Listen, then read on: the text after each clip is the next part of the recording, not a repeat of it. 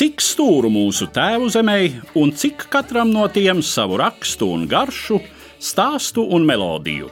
Raidījumu ciklā Stūru stūriem es, Eduards Liniņš, pieskaros Latvijas vēsturisko zemju un kultūra vēsturisko teritoriju identitātei, sarunās ar šīs identitātes zinātājiem un kopējiem.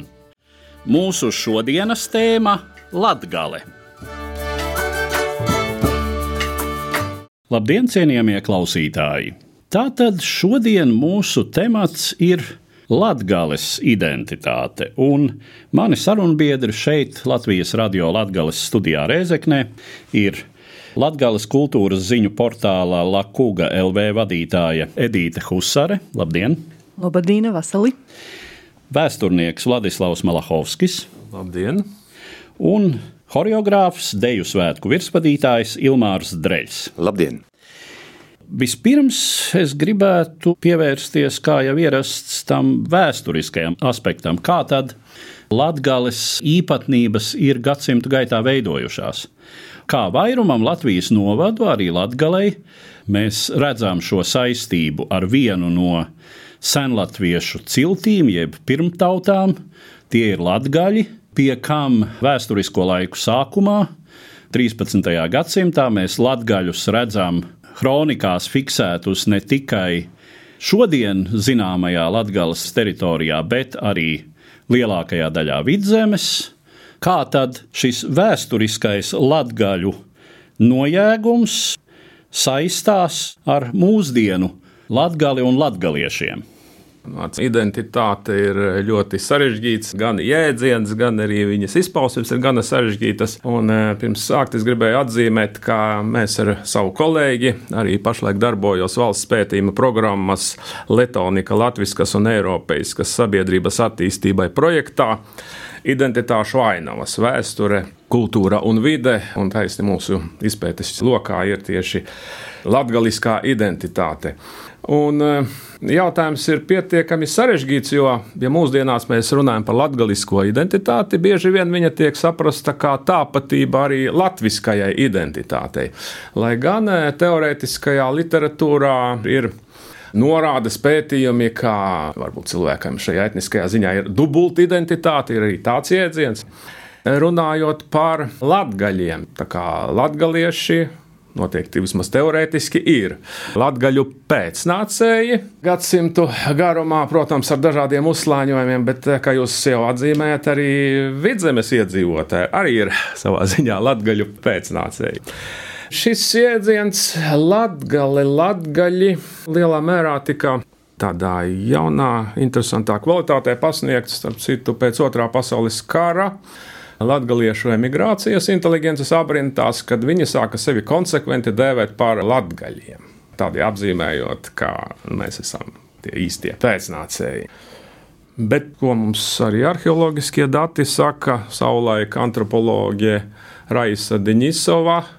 Viņa rakstīja, to pierādīt mēs nevaram neapstrīdēt. Tā ir tikai viena no tādām hipotēzēm, kā vidzemes latgaļi un latgales tagadējā teritorijā dzīvojušie latgaļi, tie tomēr antropoloģiski drusku ir atšķirīgi, jo vidzemē dzīvojoši ienāca vairāk no dienvidiem, no Lietuvas teritorijas, savukārt Latgales teritorijā dzīvojošie vairāk no dienvidu austrumiem, no Baltkrievijas teritorijas. Katrā gadījumā arheoloģiskais materiāls arī parāda to, ka kopumā latgaļu kultūra vairāk līdzinājās leišu kultūram nekā pieņemsim kuršu. Cik šīs pirms vācu krustnešu ienākšanas bija atšķirības starp ciltīm, to diezgan sarežģīti pateikt pēc arheoloģiskā materiāla. Tur noteikti vajadzētu vēl kaut kādiem būt pētījumiem. Manā ieskatā, cik es arī par to esmu interesējies un domājis, mūsu dialektu robežas diezgan skaidri rāda arī seno cilšu robežas, un faktiski tā teritorija, kuru,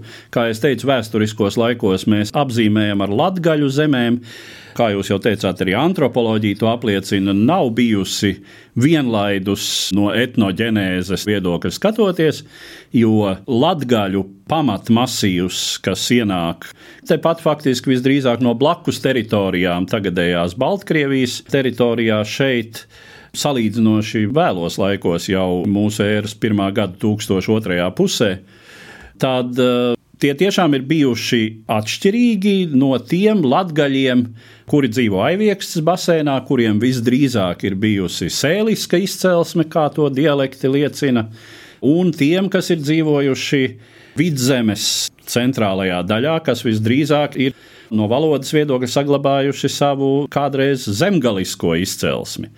Protams, politiskā vienība un tad materiālās kultūras līdzība tomēr ir tas, kas viņus ļauj apzīmēt visus ar latgaļiem. Nu, to mēs zinām diezgan labi, ka materiālā kultūra pārceļo diezgan viegli. Kas notiek ar šo novadu vēlajos viduslaikos, jauno laiku sākumā? Mēs Livonijas periodā par šodienas latgali dzirdām samērā maz. Nu jā, Daugavas upe, kas gāja, tas bija tas tranzīts, galvenais tirzniecības ceļš.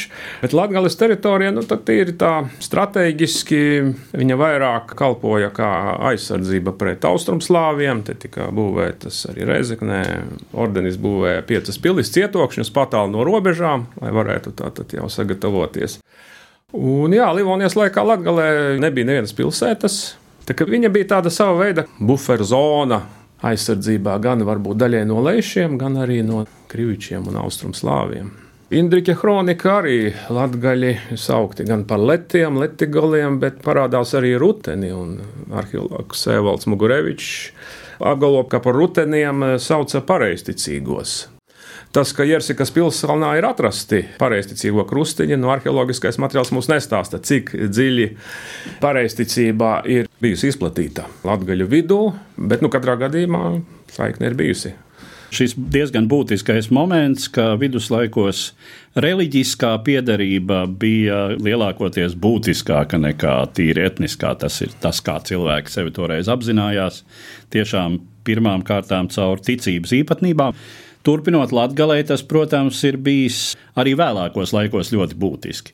Vai ir pareizs tas priekšstats, ka latgales šī mums šodien visnotaļ izjūtamā īpatnība veidojas pamatā saistībā ar līdz tam Livonijas ordeņa zemju Daugavas labajā krastā sadalīšanu 17. gadsimta pirmajā pusē starp Zviedru vidzemi un uh, poļu vidzemi, jeb inflantiju, kas tad ir latgale. Tā bija administratīvā nošķiršana no vienas puses, bet es domāju, ka tā nebija pati būtiskākā. Jo, teiksim, arī kurzemes zemgales hercogiste tomēr bija polijas, bet vasaļvalsts. Būtiskākais moments šajā ir tas, ka Latvijas teritorijā pēc tā sauktā poļu zviedru kara būtībā tika inkorporēta Polijas, Lietuvas valstī pilnīgi un galīgi viņa tika uzskatīta kā sastāvdaļa. Kamēr vidzeme Zviedrijas sastāvā tā vairāk baudīja koloniālās tiesības, te saglabājās vietējās zināmās pašpārvaldes iestādes, vācu mužniecība, dzimbūšana. Latvijas teritorija tika uzskatīta par pilnīga polijas sastāvdaļa. Latvijas gadījumā tas tā nebija, un tā man liekas ir būtiskākais moments, jo pēc tam sekos jau Krievijas impērijas laiki. Un, e, tieši šis faktors, manuprāt, nospēlēs izšķirošo lomu, kā latgales, latvieši latgale netiks iekļauta Baltijas gubeņu sastāvā, bet būs Pleskavas vietniecība, vēlāk Vitebskas gubeņas sastāvdaļa. Otrais būtiskākais moments ir, protams, katoļticības dominante. Tieši šajos laikos, pateicoties ne tik daudz polijas varas iestādēm, bet gan uh, Jēzuītu, Dominikāņu, mūku ordeņu aktīvai darbībai, tika padzīti no Rīgas, vēlāk no Cēsīm, un tad Latgalē viņi izvērsa šo darbību. Un šī katoļticības dominante ir ļoti būtiska atšķirība, ko piemin arī atsevišķi latgaliešu vēsturnieki savulaik trimdā. Te neiet runa par šo reliģisko praksi kā tādu, bet tieši kā domāšanas veidu. Ja mēs redzam, visā pasaulē, būtībā līdz otrajam pasaules karam, Eiropā, kā attīstījās protestantiskās valstis un kā attīstījās katoliskās valstis. Un tas ir eh, domāšanas veidi, kur vairāk paļaušanās uz baznīcu, kamēr luterānists vairāk uz sevi, tur tā personiskā institīva ir vairāk attīstīta. Ko mēs varam teikt par eh, saimniekošanas kārtību, par sociālo situāciju Kur tās lielākās atšķirības šajā laikā veidojas? Jā, un tad, tad arī poļu laikos ar vienu tādu kārtīgu dokumentu, Lietuvas statuts, trešā redakcija, kurš tika attiecināts uz Latviju. Šajā dokumentā tika nostiprināta arī šī saimnieciskā atšķirība. No pārējās Latvijas, līdzīgi kā tas bija Polijas Lietuvas valstī, un proti tas ir e, saimniekošanā ciemos, jeb sāģās. Sāģa tas arī soļģa lietuviešu izcelsmes vārds ar kopējām zemēm, kopējām ganībām. Un otrā atšķirība, kas arī bija manuprāt, ļoti, ļoti būtiska, ka zemi saimnieks sadalīja saskaņā pēc poļu tradīcijām arī visiem dēliem vienādā daudzumā, kamēr Pārējā Latvijā to mantoja parasti vecākais dēls, līdz ar to, mainoties paudzēm, zemītes kļuva ar vien mazāk, mazāk, mazāk, un izveidojās tā saucamā sāģu šņoru sistēma, kur jau faktiski bija ģimenei ļoti grūti pārtikt. Vēl arī tas, ka Latvijā, protams, dzimtbūšana tiek atcelta vairākas desmitgades vēlāk nekā kurzemē un vidzemē. Nu, un te faktiski 19. gadsimta beigās mēs nonākam līdz tādai situācijai, kad eh, arī tā laika latviešu pirmās atmodas darbiniekiem, tiem, kas darbojas Rīgā, nav pat īsti skaidrs, vai tie viķeps, kas latvieši ir mūsējie vai nav. Nu jā, inteligences aprindās šie kontakti norisinājās. Es minēju, Latvijā tiešām dzimbūšana arī tika atcelta dažus gadu desmitus vēlāk. Un līdz ar to māju iepirkšana un visi procesi, atmodas procesi sākās arī dažus gadus desmitus vēlāk, būtībā 20. gadsimta sākumā. Pie tam Pētera pils kļuva par šo centru, vēlāk arī Rēzekne. Kontakti inteligences aprindās bija. Rīgas Latviešu biedrībā 20. gadsimta sākumā tika aicināti un uzstājās gan pirmie zināmie latviešu inteligences pārstāvji, priesteri, gan Nikodems Rancāns, gan Francis Trasuns un citi. Latgalē arī etnogrāfs Augusts Bīlensteins viesojās, un viņam arī ir interesanti šie etnogrāfiskie apraksti. Tā kā šie kontakti bija. Jo 17. gada kongresa nenāca tā no zila gaisa, jau bija zināmas iestrādes. Bet varbūt tādā plašākā tautas līmenī, protams, tas bija ticības, kas ir ļoti būtiskas atšķirības. Arī rakstība, gotu šrifts, latīņu šrifts, kurš cita starpā Latvijā arī nebija atļauts pēc poļu nacionālās atcelšanās. Četrus gadus desmitus, kas būtiski nobremzēja, protams, kultūras procesu attīstību. Tas ir vēl viens būtisks moments. Tātad šī latīņu drukas aizliekšana bijušās Polijas, Lietuvas valsts nepoļu teritorijās, Lietuva, Baltkrievija un arī Latvija, kur tātad latviešu valodā ir pēc tā laika varas priekšstatiem grāmatas jāiespiež Kirilicā. Vai mēs varam, teiksim, paspekulēt par to, kas tad ir tās rakstura īpašības, kuras šī vairākus gadsimtus ilgusī situācija mūsdienu latgales identitātē ir ienesusi.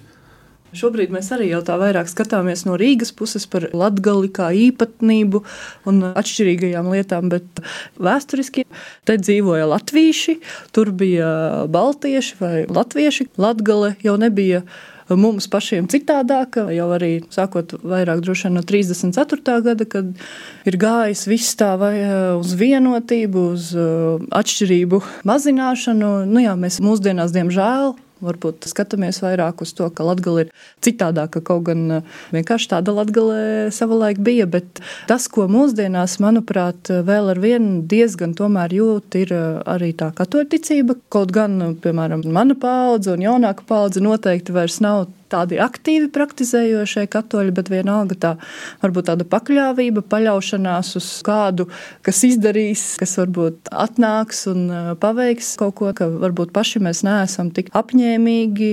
Vairāk gribētos, ka tomēr mēs paši izlemjam, ko mums darīt. Mazliet varbūt nogaidoša attieksme reizēm. Ne visiem, protams, bet kopumā jā, to var manīt. Īpaši gribot iesākt kādas jaunas lietas. Arī noteikti citur Latvijā tā ir ne tikai Latvijā, ka gaida, ka kāds eh, no valdības nāks un izdarīs. Es kā pārstāvot nevalstisko organizāciju sektoru, to arī Latvijā īstenībā diezgan jūt, ka citur eh, iesaista nevalstiskajās organizācijās ir eh, lielāka nekā Latvijā. Protams, mēs šeit runājam par izjūtu un tādām līdz šim, um, manuprāt, būtiski nepētītām lietām. Tie ir tādi pieņēmumi, ko mēs šeit izsakām, un, protams, tas neatiecas uz visiem gadījumiem, un, protams, arī citur Latvijā, nu, es jau arī esmu runājis, ir jau arī citur, kur ir līdzīga izjūta, ka varētu būt darīt vairāk. Kaut vai tajā pašā zemgalē. Man saka, jā, Lietuvā ir zemgaļu muzejs. Mums tāda zemgaļu muzeja Latvijā nav. Šajā ziņā pat varbūt Latvijā ir veicies drusku vairāk, ka tā īpatnības apzināšanās arī no centra viedokļa, kaut vai šis piemērs, nu mums ir Latvijas radio studija, Latvijas radio, tieši tāpēc, ka tā izjūta bija, ka ir jāgādā par nopietnu piesaisti, jo citādi Latvija var justies pārāk tālā orbītā no Rīgas, no mūsu centra. 20. gadsimts šai ziņā ir bijis ļoti problemātisks, jo sevišķi 20. gadsimta pirmajā pusē. Atsevišķos periodos tā Rīgas izjūta ir bijusi tāda, ka vienotība tā ir unifikācija. Vienotība tas nozīmē vienādošanu. Un te arī, piemēram, manas dzimtas vēsturē, manas dzimtas mājas ir Rugāja pagastā un savā laikā saucās Boževa skaistā latgaliskā vārdā, jo atrodas pie Boževas ezera. Tad Ulmaņa laikā pēc 34. gada pārdēvēja par ezerkrastiem, jo tāda bija valsts politika, ka smuki latviski ir jābūt. Jā, bet eh, te man vēl gribētos piebilst arī, ka latgaliešiem ir tas, kā runā par kurzemnieku spīti, bet arī ir tomēr latgaliešiem tāda enerģija, tāds spīts, un to pierāda kaut vai tas, ka ne tikai reģionam, bet vispār latgaliešiem visā pasaulē ir sava latgaliešu kultūras gada balva Boņuks, tomēr tā identitāte, kas nāk caur reģionu pamatā, ir bijusi tik stipra, un ka mums vajag arī sevi apliecināt, arī parādīt citur, un šobrīd jau šo balvu var redzēt arī Latvijas televīzijas pirmajā kanālā. Tā kā ir tomēr arī tāda enerģija, kas, manuprāt, arī atšķiras no domāju, jā, tā ir ļoti spēcīga. Jo ņemot vērā šo vēsturisko mantojumu, Vitebiskas guberņa. Guberņā 18% latgalieši minoritāte būtībā no vienām citām minoritātēm. Un tu dzīvo savā tēvzemē, bet citas tautības, ka te dzīvo ieņem sociāli, mantiski, teiksim, daudz augstāku stāvokli. Sākot ar, ar poļu mužniekiem, garīdzniecību, krievu ierēģiem un arī mužniekiem, ebreju komersanti un tam līdzīgi. Tomēr ir 17. gads, un pēc tam Latvijas jauncelsme, tā ka tas ir savā ziņā fenomenāli. No otras puses, droši vien tai sadzīvošanai ar dažādām etniskajām minoritātēm, kuru arī Latvijā ir proporcionāli visvairāk salīdzinot ar pārējo Latviju, tai ir bijušas arī savas pozitīvās puses. Es tā atļaušos pieņemt, ka latgalieši savā izjūtā ir atvērtāki nekā, piemēram, tādi vidzemnieki, kuri ir vienmēr bijuši krietni monoetniski latviskāki. Šī sakarā iesprādīšos ar savējo. Daudziem ir jautājums, nu, kāpēc tās latviešu dēļas tādas bišķiņa jautrākas un savādāk izskatās un emocionāli dejojas savādāk. Es vienmēr esmu teicis, ka daudz tautības pāri gājuši Latvijai, ieskaitot pat frančus, turkus, kur ir turku ciems, un spāņi pat laikam ir bijuši, un ungāri ir bijuši te un atstājuši savas sliedes, ka Latvijai ir ar to visu sadzīvojuši un paņēmuši no tā labāko. Līdz ar to arī atšķirās bišķiņa laikam, no pārējās Latvijas temperamenta ziņā. Un vēl es gribēju teikt, tīri no dzīves situācijas par tām atšķirībām. Tikko līgo viens pārītis izdomāja, nu, pabraukās pa tām zaļumballēm. Tas ir 50 km radiusā kaut kur. Vienā vietā ir tā, veči sēž pie galda, jaunieši dejo. Otrā vietā otrādāk, jaunieši sēž pie galda, veči dejo. Trešā vietā visi iet pie galda un visi iet dejot. Un mēs esam tik atšķirīgi, tāpat latgalē, arī ar valodas dialektiem. Nu, Upīte ir viens, Līsne ir viens, Daugopils viens, Lūdza viens, Krāslavā vēl viens, turpatās Lūdza Kārsavā arī bišķiņa atšķirīgas valodas. Un vēl par to latviešu uzņēmību.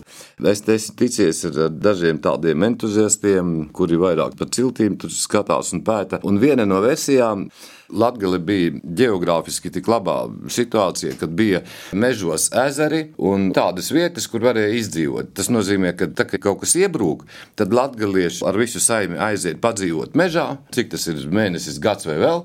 Šitiem apnīk, aiziet tālāk, un tad latvieši atgriežas savā sētā un, un dzīvo tālāk.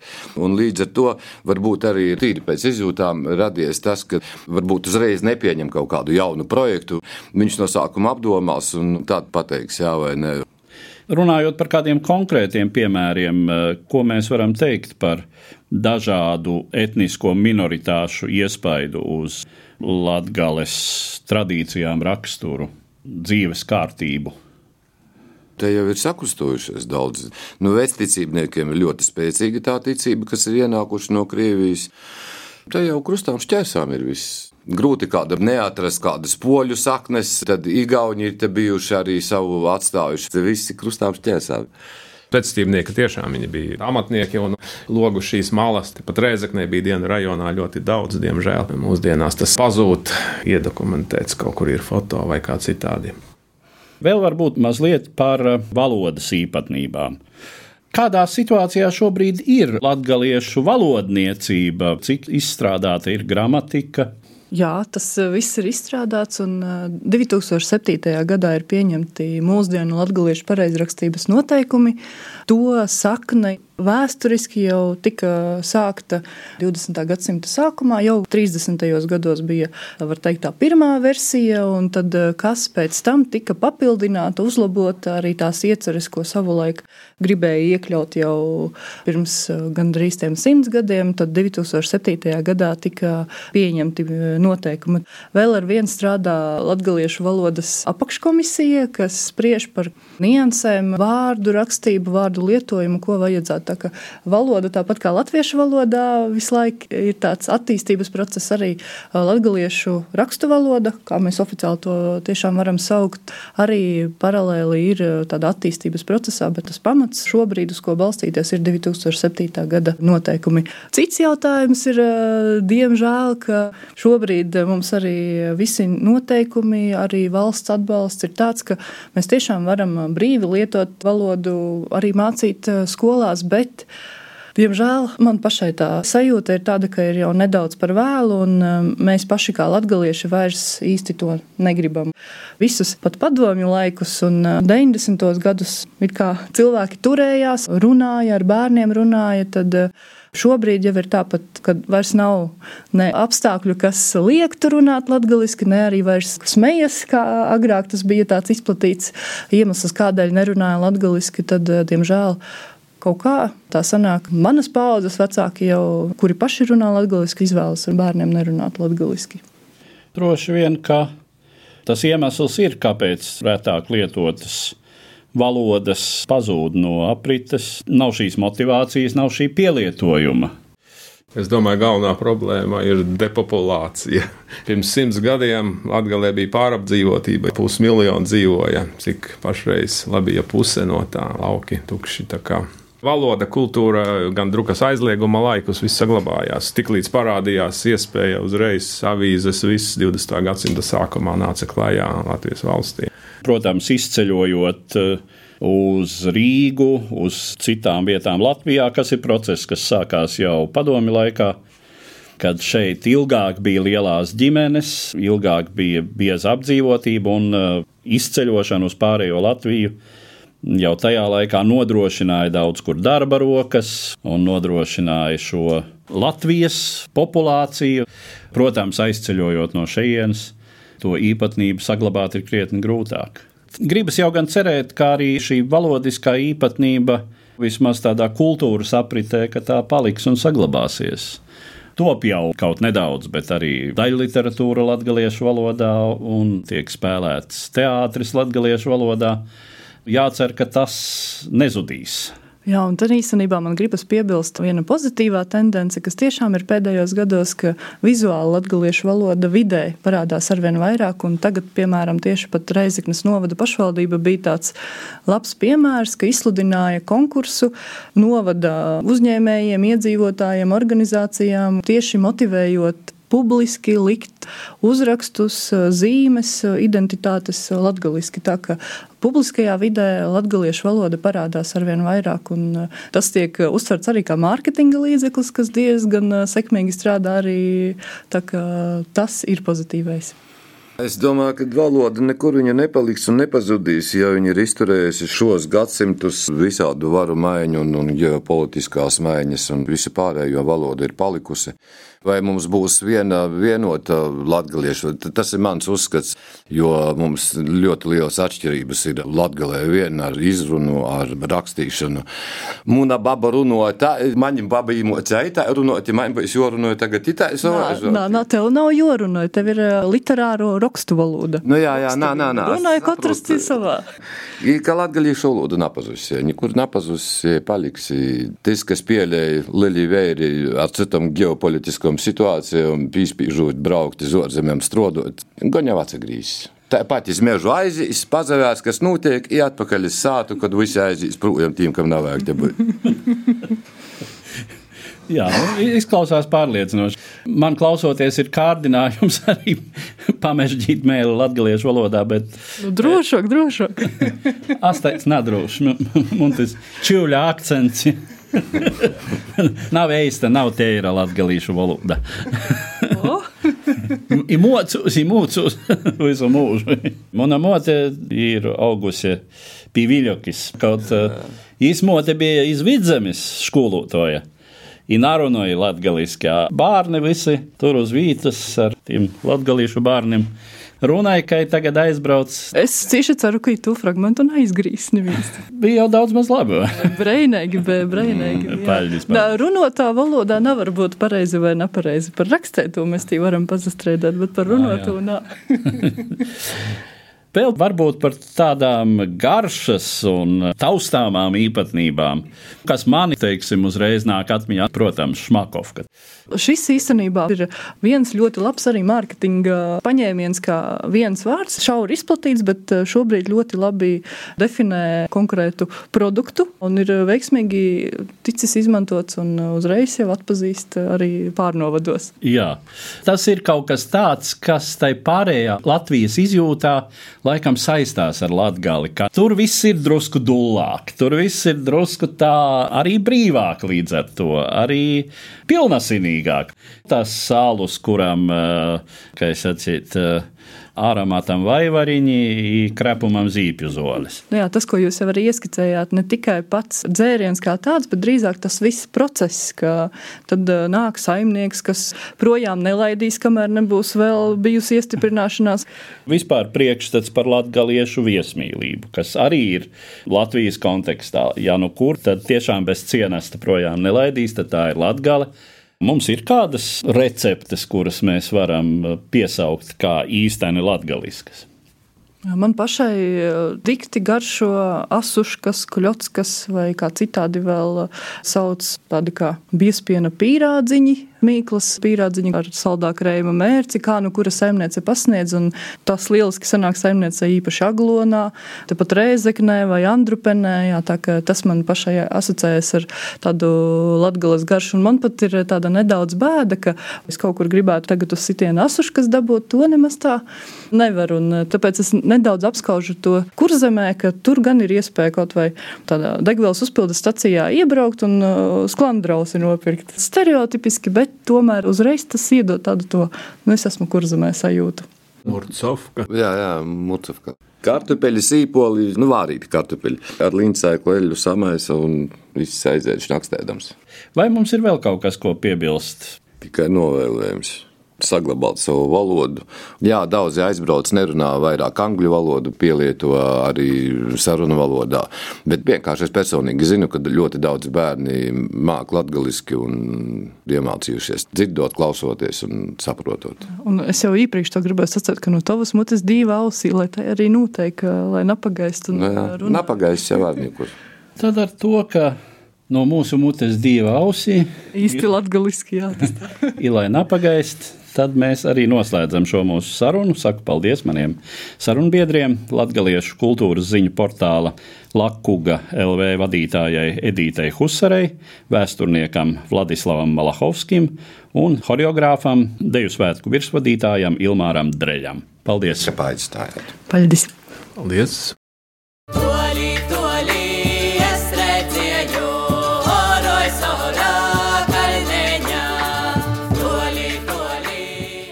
Latvijas vēsturisko zemju un kultūrvēturisko teritoriju īpatnējā identitāte Eduarda Liniņa sarunās ar šīs identitātes zinātājiem un kopējiem.